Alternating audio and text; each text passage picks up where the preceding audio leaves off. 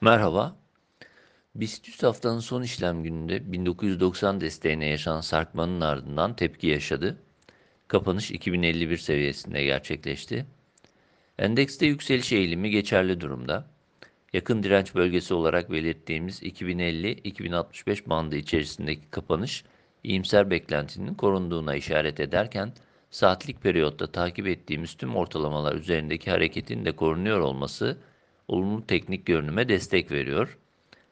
Bu paralelde devam eden iyimserliğin 2055-2065 bölgesi ara direnç olmakla birlikte 2080-2100 bandına yaşanacak yönelmeyi desteklediğini belirtebiliriz.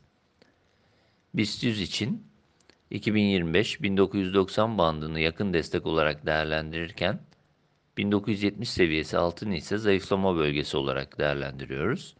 Endekste daha geniş bir band olarak 2100-1850 bandı içerisindeki hareketi konsolidasyona yönelik hareket olarak değerlendiriyoruz. Bandın dışına çıkılması yeni ve daha belirgin bir harekete işaret edebilecektir.